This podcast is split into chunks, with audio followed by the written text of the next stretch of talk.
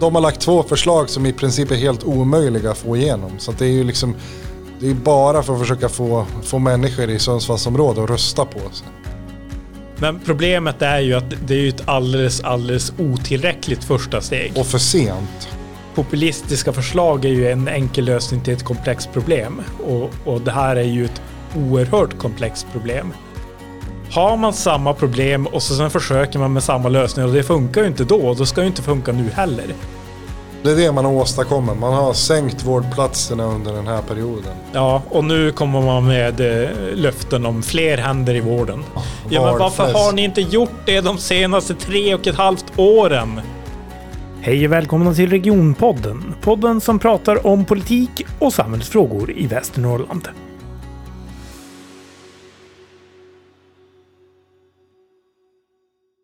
Hej David! Välkommen Hej. till Regionpodden. Hej Per, tack. Kul att vara här.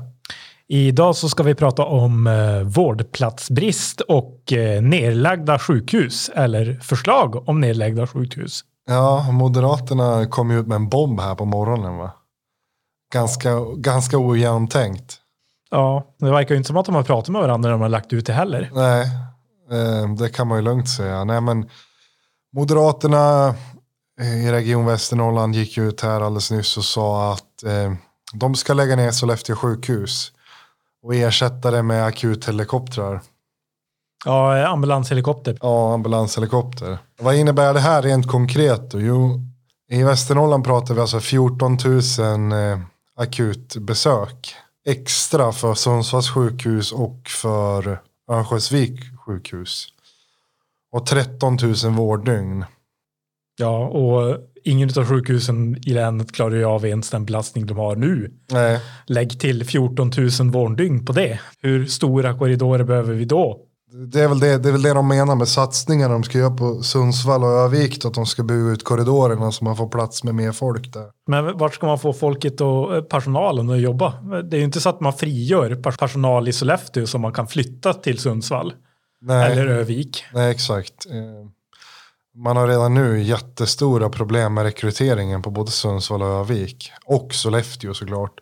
Mm. Men en sån här grej, ja det skulle bli totalt kaos. Personal som har valt att jobba i Sollefteå är, är liksom inte är personer som trivs att bo i Sundsvall. Nej, Då, då har man ju liksom ändå valt att den mindre staden, den mindre arbetsplatsen, det mindre sjukhuset. Det, det är så många personer som tänker att eh, nu kommer det här innebära att personal måste flytta. Det, det finns ju faktiskt risk att vi förlorar kompetens till, till andra arbeten. Sjuksköterskor, det finns ju mängder av de som inte jobbar som sjuksköterskor längre. nej exakt. De jobbar med, med helt andra yrken. Men eh, det, det, alltså, jag bor ju själv i Timrå. Så jag har ju ganska nära till Sundsvalls sjukhus.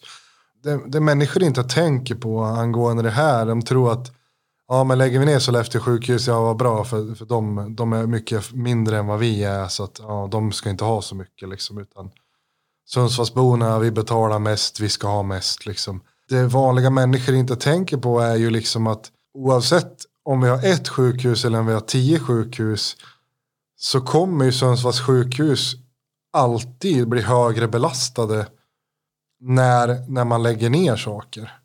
Som Sollefteå BB exempelvis. Det var, var ju inte direkt så att det var, var ett fantastiskt beslut. Det har ju inte sparat in pengar och, och vi har ju diskuterat det här förut om, om födslar i bilar och grejer. Men det man måste komma ihåg liksom det är ju att alla de här patienterna som är på Sollefteå sjukhus de kommer ju konkurrera med dem på Sundsvalls sjukhus om tider, om vårdplatser.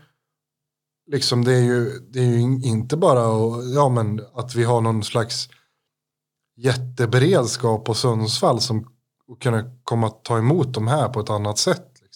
Nej, precis. Sen, sen pratar man ju liksom om i, i eh, politikens värld så pratar man väldigt mycket om medelbelastning på något sätt. Men, men tittar man på verkligheten så är ju den inte medel. Nej, Den, den bryr sig fullständigt om medeltalet är en förlossning per dag. Utan det liksom kan ju variera mellan 1 och 7. 1 och 10. Samma sak med, med eh, eh, Eh, alla typer av sjukdomar. Det finns ju till exempel den stora radius, radiesfestivalen som eh, är inom ortopedin när alla ramlar och bryter handleden samtidigt eh, när, i den första halkan. hur ska man hantera det? Nej, det är problematiskt.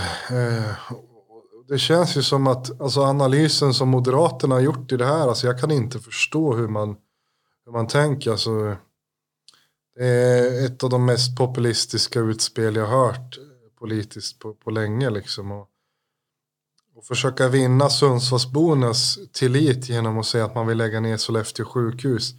Det köper inte jag för fem öre. För jag tror att Sundsvallsborna förstår att lägger man ner Sollefteå sjukhus så kommer det innebära att man själv kommer få hamna längre bak i kön. För att få en plats på sjukhuset. För att de här människorna i Sollefteå, Kramfors, eh, ända upp mot Jönsele. Alltså de hamnar inte längre bort i kön för att de bor längre bort. Utan man hamnar i den köplats när man söker vården. Och det kommer att bli ett högre sökande. I, I eh, många fall så hamnar de ju faktiskt före i kön eftersom att de har en så pass eh, liksom, lång resa. Så att när man säger akuta fall kommer ju hanteras ja, innan. Absolut. Eftersom att de har haft en så pass lång resa innan. Men jag tänker om du, om du har ett rutinbesök på ögonmottagningen kanske. Mm. Ja, det är ju inte så att kön kommer kortas för att du bara har ögonmottagning på Sundsvall. Utan det är ju så att det är kanske tusen pers till som ska gå in där på ögonmottagningen i, i Sundsvall. Och, och har man, kan man ett plus ett så förstår man ju att ja då kommer kön bli längre. Och då ska vi försöka rekrytera folk från vart? Den frågan vi kommer tillbaka till hela tiden. Man, man, eh, akutkirurgin som lades ner så efter är ju ett väldigt bra exempel på dålig politik. Man skulle spara 21,7 miljoner tror jag, men istället så ökar kostnaden med 27 miljoner. Det är liksom 50 miljoner åt fel, fel riktning. Och det, det, alltså, jag kan ju inte se att det kommer bli något annorlunda här. Alltså man, man kommer få en, en dyrare, sämre tillgänglig vård och i slutändan så kommer ju folk dö. Ja, men hur är det med resorna då? För att regionen betalar ut någon slags resersättning också. Så att eh, vi, alltså, vi alla vi i Västernorrland får ju ändå betala för resorna för de som bor långt bort. Man måste hela tiden komma ihåg det att alltså, vi, betalar, vi betalar nästan högst skatt i hela världen i Sverige. Eh, och det de här partierna har gjort, de här riksdagspartierna, eh, oavsett om det har varit moderater eller socialdemokrater så, så har de liksom kontinuerligt montera ner välfärden för vanliga människor de senaste 20 åren. Det är inte många förbättringar man kan nämna vad, vad som har hänt liksom, inom sjukvården de senaste 20 åren. Liksom. Utan man har lagt ner Härnösands sjukhus. Eh, den kostnadsbesparingen, vart är den idag? Vi, vi är mindre invånare men, men, men det kost, sjukvården kostar mer. Jag skulle liksom tro att det blir en, en, en kostnadsförflyttning. Alltså, och jag menar, ja. eh, jag betalar ju hellre skatt för vård, att det är någon ja. som ger mig vård, än att jag betalar precis lika mycket skatt för diesel i ök ökade transporter eller flygbränsle. Eller eh, dyra helikoptrar. Eller, eh, ja. det, det är ju liksom, vad vill vi lägga pengarna på? Vill vi lägga pengarna på vård eller vill vi lägga pengarna på diesel? Eller vill vi lägga, lägga pengarna på vårdpersonalen eller vill vi lägga pengarna på administrationen? Det, det är ju den slutsatsen vi kan ta här i regionen. Liksom. Vem, vem, vem är det som behöver bättre villkor? Jo, det är vårdpersonalen. Och mm. vårdpersonalen på Sundsvalls sjukhus kommer inte få det bättre av om man lägger ner Sollefteå sjukhus det, alltså det, det finns inte på världskartan. Alltså redan nu så, så kan inte Socialdemokraterna och Moderaterna skaka fram personal så att det räcker på Sundsvalls sjukhus. Skulle vi öka på med 14 000 vårddygn, 14 000 akutbesök och 13 000 vårddygn så kommer det krävas personal därefter. Man kan inte nu bemanna de sängar man har. Och det här är viktigt att ha med sig inför valet.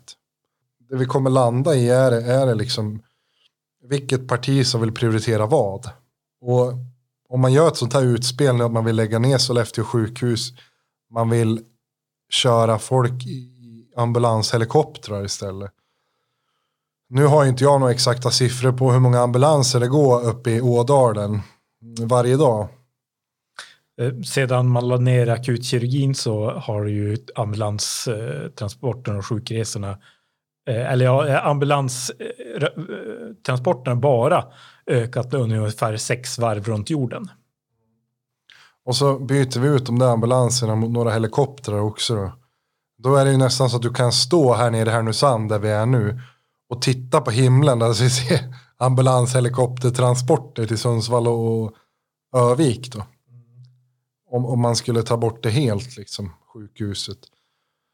Och transporterna eh, överlag också kommer ju öka otroligt mycket om folk från Jönsele måste åka till Övik eller till Sundsvall för enklare saker. Det, det är ju också alltså, intressant att titta på det här.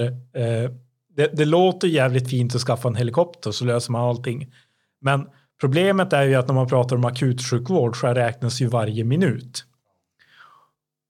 Skaffar vi en helikopter och så händer en olycka i Junsele, ja men då skickar vi helikoptern där, dit. Men precis samtidigt som, som vi, vi har skickat helikoptern dit som ska plocka upp sin patient där, ja men då händer en olycka i Ramsel som ligger precis bredvid. Ja men då finns det ju ingen helikopter. Då måste den lasta sin patient och åka vidare eller så får vi förlita oss på de andra länen och där kanske det rör sig om att om vi får tag i en helikopter i Västerbotten så kanske den är en timme bort. Och det var som Lena Asplund själv som är regionråd för Moderaterna sa. Hur många kommer dö av strokar här uppe liksom? Om det här beslutet går igenom. För det får man ju ändå ge, ge Lena Asplund att hon gick ut och kritiserade det här förslaget från Moderaterna. Som hon själv är med i. Hon är regionråd för Moderaterna i Västernorrland. Och hon gick ut här på morgonen och kritiserade det här. Eh, det här utspelet ganska hårt måste man väl ändå säga. Så att hon verkar ju ändå ha gjort sin analys även fast hon är med och, och försämrar vården just nu. Så hon verkar ju ändå ha gjort en analys av vad det här innebär. Ja, jag gjorde ju, vi gjorde en liten analys här på morgonen och tittade på valresultatet för 2018 och Moderaterna. Och det känns ju som att de också har gjort en analys att de, de tappar kanske en, man, en mandat på det här och tänker att det är värt det. Men jag, jag tror ju att eh, det kommer nog bli jag, jag, tror inte att riktigt att, det, att folk i Sundsvall kommer att jubla över att eh, äntligen så läggs eh, Sunds, eller Sollefteå sjukhus ner. Nej, alltså det, det är ju, man ser ju det är en slags kampanj som går hela tiden. Där, där vissa fåtal människor försöker övertyga fler människor om att det skulle vara det bästa. Men alltså, man måste tänka lite mer djupgående i det här och vad det skulle innebära rent praktiskt. Och rent praktiskt så innebär det att det blir fler sjukhusbesök på Sundsvall och fler sjukhusbesök i Övik. Alltså patienterna försvinner ju inte liksom magiskt för att man plockar bort ett sjukhus. Utan då ska de resa. Det, det bildas, för de pratar ju också Moderaterna om att de skulle ju upp Sundsvalls sjukhus. Men det har ju inte gått så jävla bra att rusta upp Sundsvalls sjukhus under den här mandatperioden. Liksom just det du nämnde att det är ju väldigt populistiskt att man har gjort en analys att ja, men vi tappar en mandat i, i Ångermanland av de här människorna som, som kommer bli arga på oss i Sollefteå. Men att alla Sundsvallsbor skulle köpa det här ser jag som helt orimligt. Liksom. Och absolut vårdpersonalen på Sundsvalls sjukhus som vet, som är van och är i verksamheten. Att de köper det här, det tror jag verkligen inte. För de ser ju sin egen arbetssituation och de vet ju liksom hur många patienter som kommer flöda från andra håll ifall man lägger ner Sollefteå sjukhus. Så att jag har väldigt svårt att tro att personalen i Sundsvall skulle se det här som någonting positivt. Eh, alltså jag kan ju ta från min egen verksamhet. Liksom. Jag jobbar inom kriminalvården och, och liksom, just, vi har ju också överbeläggningar och om man skulle lägga ner tre andra klass 1-anstalter så Ja, okej, okay, Saltvik fick mer pengar. Men det innebär ju inte att det blir, det blir enklare för oss bara för att vi får mer pengar och resurser. Vi har ju fortfarande våra, våra, vi har fortfarande våra lokaler och det är samma med Sundsvall. Liksom. Vi pratar inte om att Moderaterna har lovat att de ska bygga ett nytt sjukhus i Sundsvall. Liksom. Sjukhuset i Sundsvall kommer ju se ut som det gör. Även om man lyckas anställa tio fler sjuksköterskor. Liksom.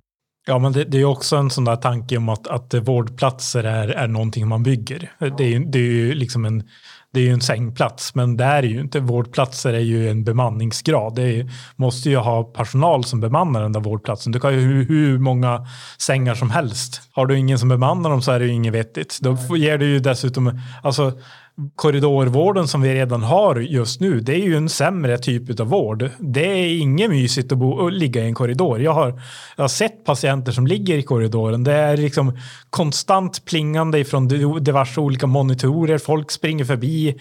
Det kommer vagnar. Det låter. Eh, det är jätte, jättestarka lysen som är precis ovanför. Det går inte att släcka ner. Nej. Och då vill han ha mer av det här. Mer av det. Ja, min farfar låg ju inne med hjärtinfarkt för inte så länge sedan på Sundsvalls sjukhus. Och han fick ligga första dygnet låg han i rum. Och sen resterande sju dygn låg han i korridoren. Och jag ringde upp och frågade liksom, ja men hur, hur är det då liksom? Alltså, ja jo men det är bra liksom. Ja, har du rum nu eller? Nej, nu ligger jag i korridoren för att det är nyare patienter som har. Jag är stabil så att säga. Men jag ska ändå stanna för ja, de hade massa saker de skulle göra. Och jag frågade han liksom, ja, men hur känns det att ligga i, korridoren då? Liksom. Och han är av den här gamla skolan liksom som är tacksam. Så att han, ja men det är så fantastiskt. det är så fantastiskt här liksom.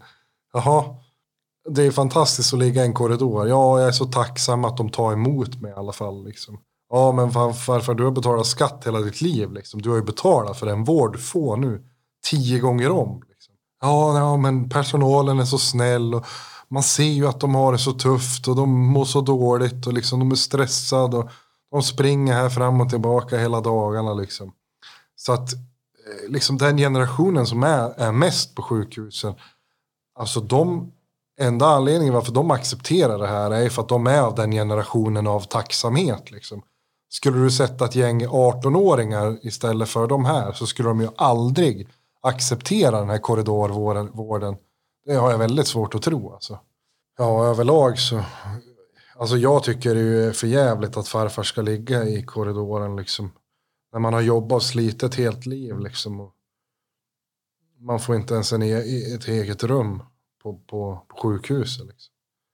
Nej, och alltså det, det är ju liksom också det här aspekten av att eh, Sundsvallsbor som ändå har nära till Sundsvalls sjukhus.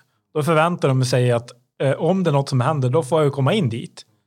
Men det är inte säkert att det blir så nu när, liksom, när överbeläggningarna och eh, arbetsbelastningen blir så pass stor. Då kanske det händer att eh, ambulansen kommer från Sundsvalls sjukhus, plockar upp dig och så kör de dig till Övik. Mm. Om det finns plats där. Mm. Eller Hudiksvall. Mm. Eller Umeå. Ja. ja, det är ju det som är problemet. Det, det, är ju samma sak i förlossningsvården och det är ju ex extremt i om man tittar i Stockholmsregionerna. Då kan ju folk som bor granne med sjukhuset ändå inte få komma in utan de får åka en 15 mil. Ja men det är det här jag menar liksom att samhället, vi har, alltså vi har högsta skattesatserna i världen. Bland de högsta skattesatserna i världen. Och vi satsar på saker som inte, som inte främjar folkflertalet. Alltså de, människor överlag liksom får det sämre. Och sen är det enskilda grupper som får det bättre. Nej, så sjukvården behöver en riktig jävla upprustning från grunden. Alltså det, det, känns ju som att det här är ju absolut inget, inget nytt. Jag har ju sett artiklar, eh, tidningsklipp ifrån 90-talet där man pratar om eh, vårdplatsbristen och personal som går på knäna. Och, och så sen, sen dess så har man ju skurit ner något fruktansvärt och det är fortfarande samma. Alltså har man samma problem och så sen försöker man med samma lösning och det funkar ju inte då, då ska det inte funka nu heller. Det har ju aldrig funkat med att lägga ner ett sjukhus. Det har inte resulterat i mer pengar, det har inte resulterat i kortare vårdköer eller att, att eh, man har fått automatiskt mer personal till sjukvården. Nej, snarare tvärtom. Eh, men, men vi hade ju någon siffra på, jag kommer inte ihåg exakt, administrationen hade ökat med Ja, men om det är 35 procent i alla fall sedan 2010. Ja, 35 procent har administrationen ökat med och vårdpersonalen hade ökat med 3 procent. Ja, det är väl något sånt. Och jag kan ju garantera att eh, sjukvården har inte blivit 35 procent bättre Nej. sedan 2010. Nej, exakt. Det är väl återkommande också för vårt förslag i sjukvårdspartiet var ju ändå att sänka, eh, sänka administrationsambitionen, eh, byråkratin kring vården och, och satsa mer på vården. Ja, alltså det, det, handlar ju inte om att administratörer gör onödiga saker, utan det handlar väl kanske om att vi ska sluta göra eh, vissa saker som kräver administration. Det handlar ju om att prioritera och plocka bort, eh, liksom titta på vad, vad ger det till, till eh, vad ger det till den stora bilden och, och vad innebär det när vi plockar bort det? Vad kan vi göra i vården istället? Mm. Då måste vi nästan ta upp exempel i Norrbotten också. För de har gjort en sån här eh, extremt stor besparing på administrationen. Och eh, kunna utveckla vården istället. Med, med väldigt gott första resultat. Alltså det är väl första mandatperioden de sitter och styr nu. Eh, men, men som det verkar så går det väldigt bra där uppe i Norrbotten. Ja, vården har inte klappat ihop helt på grund av att de har plockat bort administration. Nej, exakt. Men åter tillbaka till Moderaterna. För alltså, den här analysen, det hade ju varit väldigt kul att sitta med och lyssna när de kom fram till det här beslutet. Mm. Jag, jag, tror ju också att de, de räknar ju liksom all, med, all, med att aldrig behöva genomdriva det här. Nej, utan det är bara liksom populistiskt för att locka Sundsvallsbor som är för grejen är så här, alltså jag köper att Sundsvallsborna är missnöjd med vården och, och att man liksom tittar sig omkring. Vad är anledningen? Och då, och då när vi har ledande politiker som säger ja men det är Sollefteås fel. Jag köper att man, att man liksom kan dra den slutsatsen. Men det är inte så enkelt. Nej, det blir ju liksom egentligen så, så kan man ju härröra i princip samma eh, typ av eh, retorik till eh, eh, invandrarfrågan. Att ja. det, det, är invandrarnas fel att vi har det så här. Ja, men får vi bara bort invandrarna då, då löser vi det problemet. Men så funkar det ju inte. Det är Nej. precis samma sak här. Alltså, eh, eh, populistiska förslag är ju en enkel lösning till ett komplext problem. Och, och det här är ju ett oerhört komplext problem med en väldigt enkel lösning att plocka bort det och då sparar vi de pengarna som vi har lagt på sjukvården där. Men du måste ju fortfarande ge samma vård någon annanstans. Ja, exakt. För, okay, för det finns ju de som hävdar att det vi är också populistiska, att vi vill spara på administrationen. Skillnaden mellan det förslaget och Moderaternas förslag är ju att det drabbar ju inte vanliga människor om vi sparar på administrationen så är det administratörerna och vårdutvecklarna som blir drabbade av att de blir arbetslösa. Men när den här vårdutvecklaren eller administratören söker vård så kommer det finnas vård tillgänglig för de här personerna. Och det är ju skillnaden. Jag, jag brukar säga att eh, försämringar i vården kan leda till dödsfall men jag har ju svårt att se att eh, för lite administration leder till dödsfall. Nej, exakt. Snarare kan, känns det som att för mycket administration skulle kunna göra det. Men... Ja, absolut. Jag har för mig att när jag pratade med Robert häromdagen, han låg in här sist så tog det? det tog en och en halv timme innan han var utskriven för att läkaren var in, skulle ta ut en, ja, han, hade, han skulle bara ta ut nålen ur armen. Och då sa, han, då sa läkaren till honom, ja men jag skickar en sjuksköterska som gör det där. Och det tog en och en halv timme innan det kom en sjuksköterska och tog ut nålen ur armen. Och då låg han på akuten. Så att han upptog en vårdplats en och en halv timme extra för att ja, liksom det, det skulle göras i en viss ordning. Liksom. För alltså, i min värld så hade det varit ganska enkelt för läkaren att bara så här tagit ut nålen och sen gått. Det hade varit betydligt enklare än att han ska uppta en sängplats i någon halv timme. För att en specifik person ska göra det. För att en läkare kan ju dra ut en nål ur en arm när det sitter en... Som jag har förstått det också så är det många människor som ligger inne ganska mycket längre på avdelningar för att de inte blir utskriven av läkarna. För att läkarna har så mycket att göra. Och av de, av de anledningarna så, så blir det ju fördröjt liksom. Man, man kan ju, eh, när man tittar på en, en annan del av eh, Moderaternas politik så har de ju gått ut om att de ska ha De vill höja lönerna med 8000 per för, för alla sjuksköterskor. Och det, I hela Region Västernorrland. ja, precis. Och då, då frågar man ju lite grann så vart, vart ska man få de pengarna ifrån? För det är ju ganska mycket när man räknar med sociala avgifter. Det var 200, 260, 200 ja, 280 miljoner tror jag det är. ja, 283 miljoner hade vi räknat med. Ja, precis. Eh, och var, var ska man hitta de pengarna? Ja, men då kan man ju svara då att de ska lägga ner Sollefteå sjukhus för att kunna lägga pengarna på 8000 till eh, sjuksköterskor. Och vi hade ju frågat en toppmoderat också hur de skulle finansiera det där. Mm. Eh, liksom då fick vi ett roligt svar tillbaka. Så här, ja men du ska få se här om någon dag. Här kommer lösningen. Du kommer gilla den. Och idag sitter vi här och lösningen var att lägga ner Sollefteå sjukhus. För vi menar, ja ni måste ju höja skatten med minst en krona för att få igenom den här löne, eh, lönehöjningen för sjuksköterskor. Vårat svar på det här är ju såklart administrationen fortfarande. För vi har ju gjort ett liknande utspel. Men vi har ju det finansierat. Och det är genom att sänka administrationen. Ja, och de finansierar det genom att lägga ner sjukhus. Men samtidigt så har vi pratat tidigare om att de inte förväntar sig kunna få igenom den, för det är ju inga annat parti som stödjer att vi lägger ner Sollefteå sjukhus. Det finns i alla fall ingen majoritet någonstans för att det ska hända. Och har man då ett förslag som säger att man ska lägga ner Sollefteå sjukhus för att finansiera en kraftig lönesatsning och man vet att det, eh, nedläggningen är overklig. Det kommer aldrig ske. Då kommer ju även den kraftiga lönesatsningen aldrig ske. Exakt. För då, det, det står mellan det alternativet. Antingen höjer vi skatten med en krona i Region Västernorrland eller så lägger vi ner Sollefteå sjukhus. Och det finns ingen majoritet för varken skattehöjningen eller att lägga ner Sollefteå sjukhus.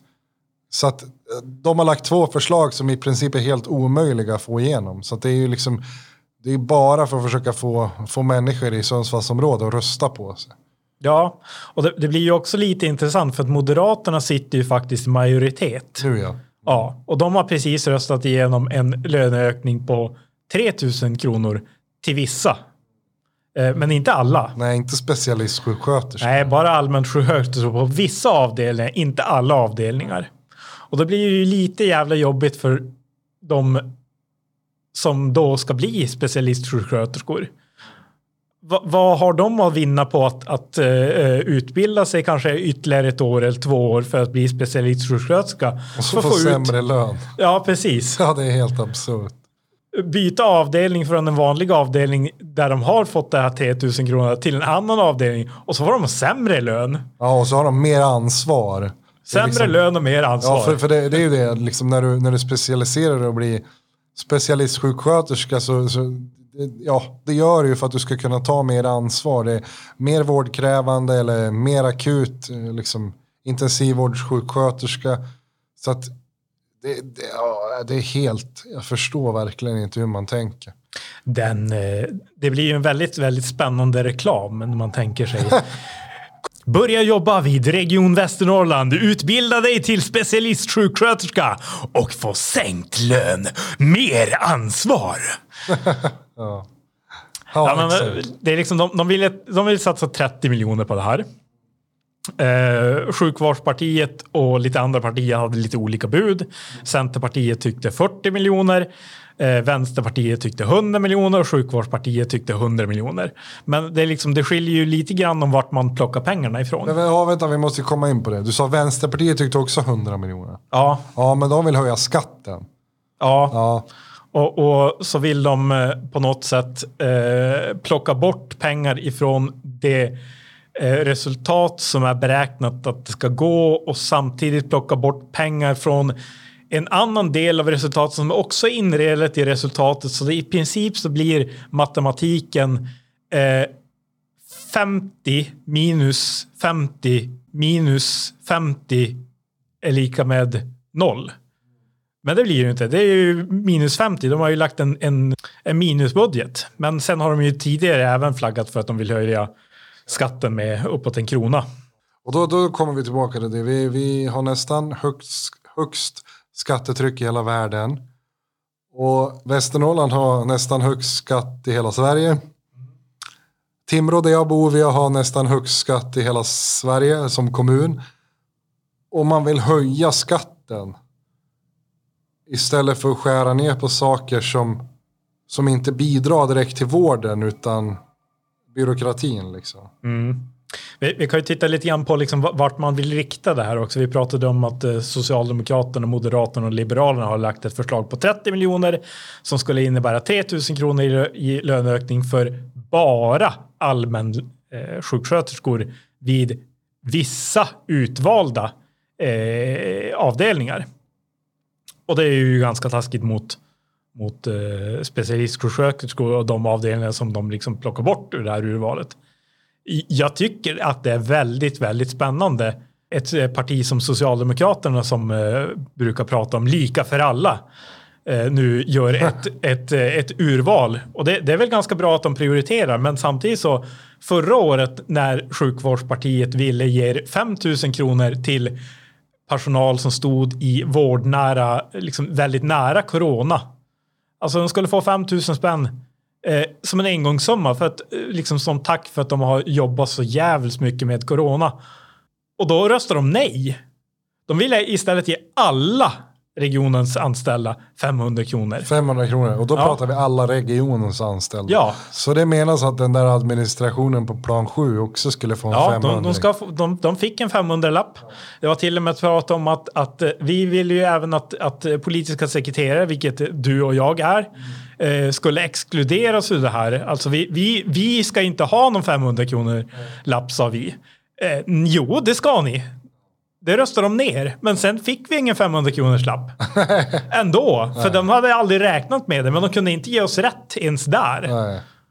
Om vi går tillbaka till förslaget, då, då säger vi de uh, ge, ge 3000 kronor till vissa, medan vårt förslag som är finansierat uh, med hjälp av nedskärningar inom administration gav 3000 kronor till alla i snitt. Uh, även undersköterskor, sjuksköterskor och specialistsköterskor om du gav alla exakt likadant. Men det är inte säkert att du måste göra det. Det handlar ju om att prioritera vart, vart pengarna ska... Och det, det är ju inte vårat jobb. Du och jag ska inte sitta och säga att Lisa ska få 3000 men Urban, han ska bara få 2963. Alltså det, det, det fixar ju... Eh, Fackliga företrädare. Ja, det är precis. förhandlingar om det här pengarna och grejer. Ja, så. Så att det, det, det, kommer ju lösa sig själv. Det handlar ju om att ge tillskott i budgeten. Ja, och då handlar det kanske om att de, de då som ligger väldigt lågt lönemässigt, då kan de få eh, komma upp till en, en vanlig nivå. Medan de som ligger väldigt högt, de kanske får lite mindre. Eh, det, det, handlar ju inte om att lika för alla, utan i, i det här akuta läget så handlar det om hur vi kan få eh, fler personer att stanna kvar i vården och hur, hur de kan få fler kollegor. Ja, för man får ju, man får ju tänka på att det här var, den första, det här var ett första steg från oss Eh, till att göra, göra det bättre för vårdpersonal rent generellt. Ja, och, och, majoriteten vill ju också ha det här till att det är ett första steg. Men problemet är ju att det är ett alldeles, alldeles otillräckligt första steg. Och för sent. Ja. Hade vi suttit i majoritet från 2018 så hade det här varit gjort för fyra år sedan. Ja, precis. Nu kommer man i, i sista sekund och, och säger att man ska satsa på personalen. Ja, ja men varför har ni inte gjort det de senaste tre och ett halvt åren? Ja, det har varit pandemi. Ja, det är precis. pandemin som har ställt till det här. Nej, det är bullshit. Ja. Det har varit samma problem sedan innan 2018. Ja, det, det är ju, vi, vi satt och tittade på den siffran. Om man, om man kollar på medicinkliniken i Sundsvall, eller medicinklinikerna i Sundsvall, så har de alltså från 2019 tappat kanske mellan 50 och 70 vårdplatser. Det är alltså 50 till 70 sängar mindre. Och de, de hamnar i korridoren nu. Bemannade sängar. Ja, ja, precis. Ja, de hamnar i korridoren istället. Ja. Precis, så det är det man har åstadkommit. Man har sänkt vårdplatserna under den här perioden. Ja, och nu kommer man med eh, löften om fler händer i vården. Ja, men ja, först har ni gjort mindre händer i vården. ja. Då är det nu, väl klart nu att vill det... vi ha mer vård. Ja. Nej, det är, jag hoppas att folk genomskådar det här. Jag hoppas att folk som har hängt med lite grann under, under den här mandatperioden gör ett, rätt, gör ett bättre val nu. Men då, då är nästa val, vad, vad, finns det för bra val då i regionpolitiken? Ja, Är du jag, partisk nu eller? ja, jag skulle ju kunna säga att det, det, det finns ju ett parti som heter Sjukvårdspartiet. Det, De är ganska bra. ja, jag, jag tror att det är, det, de, de är nog ganska bra. De verkar reko och tycker Ja. om och de tycker om vårdpersonal. Ja, men det är ju de som liksom prioriterar vården Ja. främst.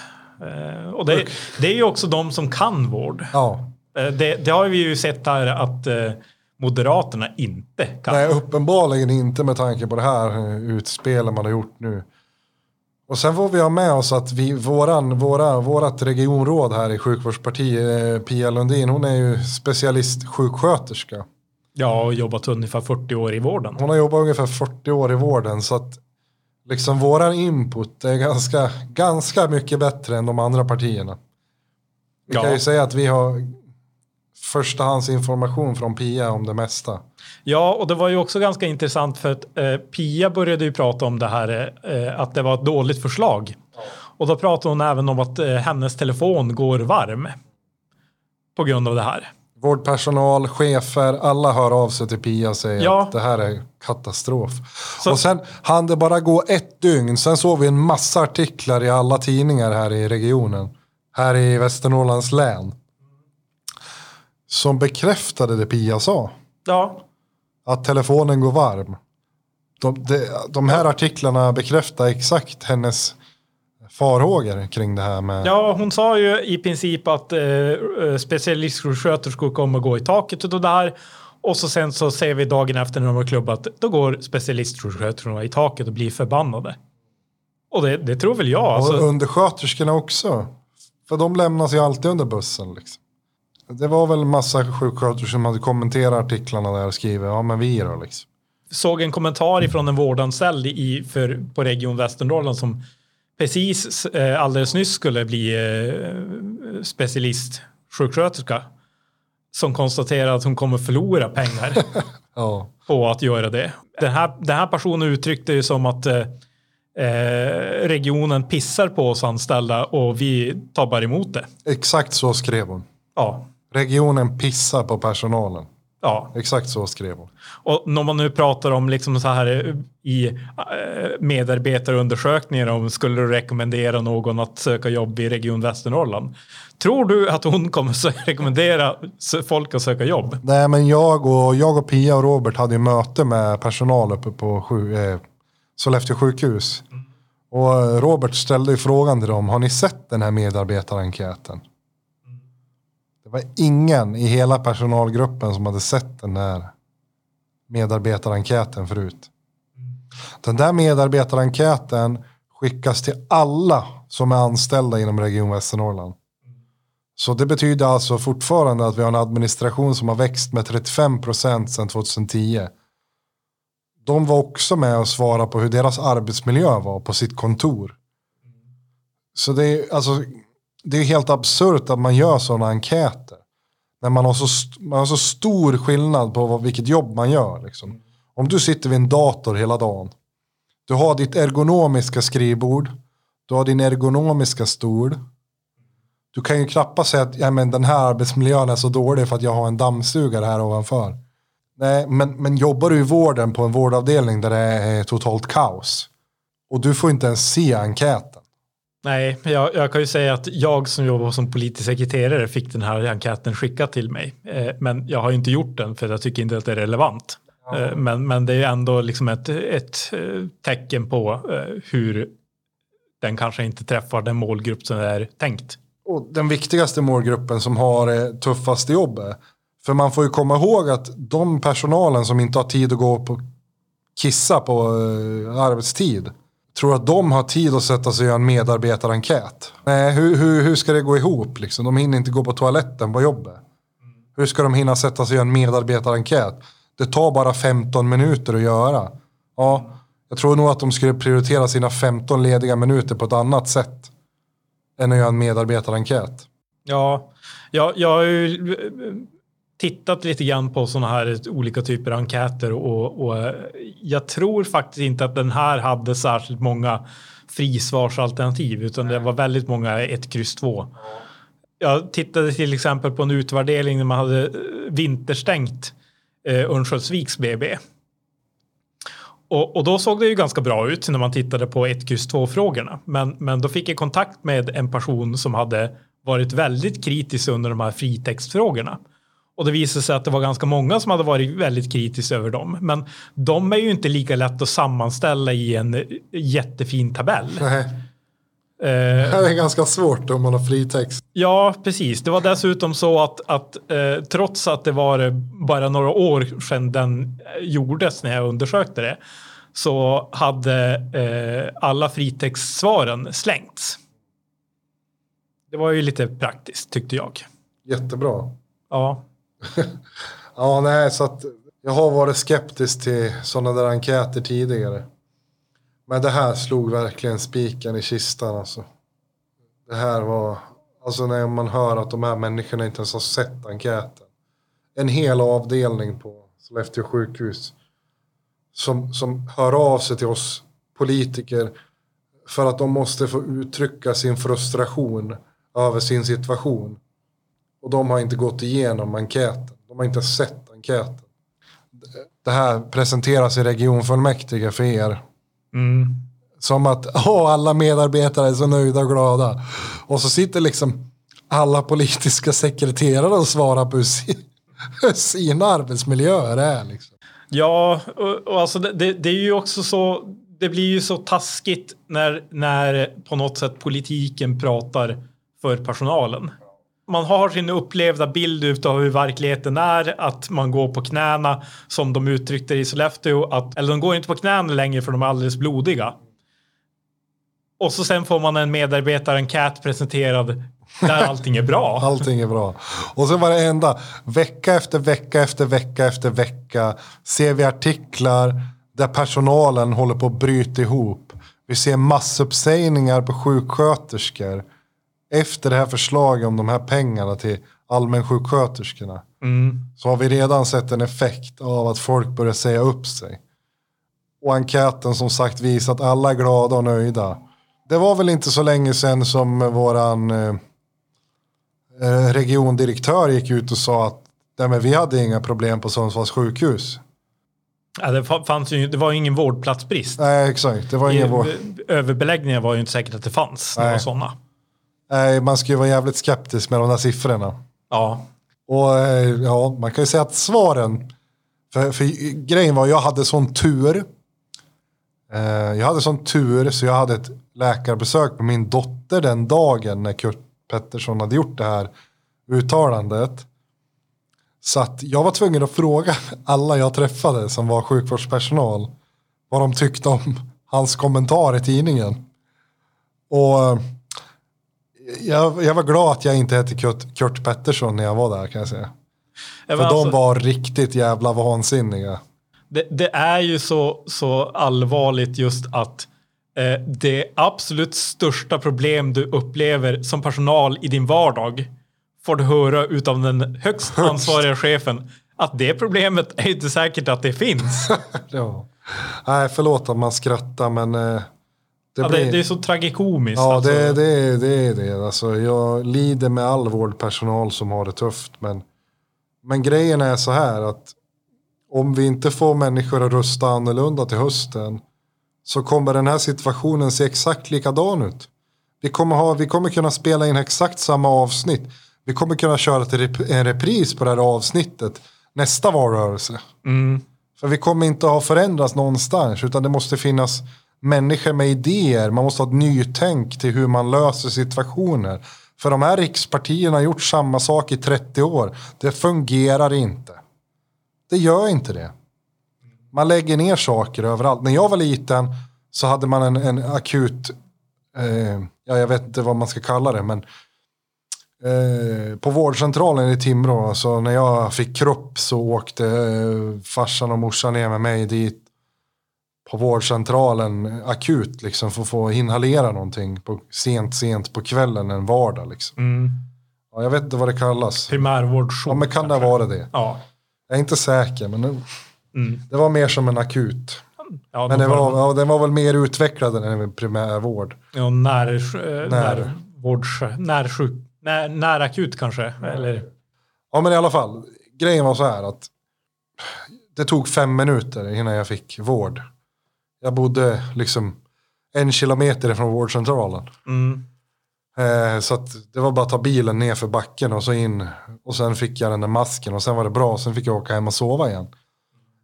Det, en nära vän till mig hade eh, ett barn som, som fick ett astma, eller astmaanfall. Fick kropp i höstas. Och hamnade på primärvårdsjouren eh, på Sundsvalls sjukhus. Och de fick sitta där i fem och en halv timme. Eh, med en sexåring. Ja, det är ju inte jättekul alltså. Och du, jag vet inte om du har upplevt krupp eller sett barn ja, som har krupp. Falsk krupp eller ja. vad det nu heter. Ja, falsk krupp då. Mm. Det är väl det antar jag. Ja. Men eh, dels när man upplever det själv så känns det ju som att man ska dö i princip. Man får ju som ingen luft. Ja. Och jag kan bara tänka mig, nu har inte någon av mina barn fått krupp än. Jag skulle inte vilja uppleva det och jag skulle definitivt inte vilja sitta i fem och en halv timme i ett väntrum och behöva uppleva den ångesten hos barnet och eh, den upplevda ångesten hos en själv. Liksom. Ja, men eh, vi får ta och runda upp det här nu. Ja. Eh, vi får väl konstatera att det handlar kanske inte om att bjuda mest pengar och satsa mest pengar på saker man tänker att kommer lösa problemet utan att faktiskt hitta lösningar som löser problemet och använda pengar som faktiskt går att hitta och går att få en politisk majoritet för att skaffa fram istället för att lägga en massa populistiska förslag på politik man aldrig själv förväntar sig kommer att genomföras. Nej, vi får tacka för det då. Tack. Hej. Hej. Du har hört Regionpoddens avsnitt om nedläggningshotet mot Sollefteå sjukhus från Moderaterna, om vårdplatsbristen och om otillräckliga lönesatsningar som skrämmer bort personalen. Glöm inte bort att prenumerera på vår podd, gilla delar av våra inlägg. Tack för att du lyssnade.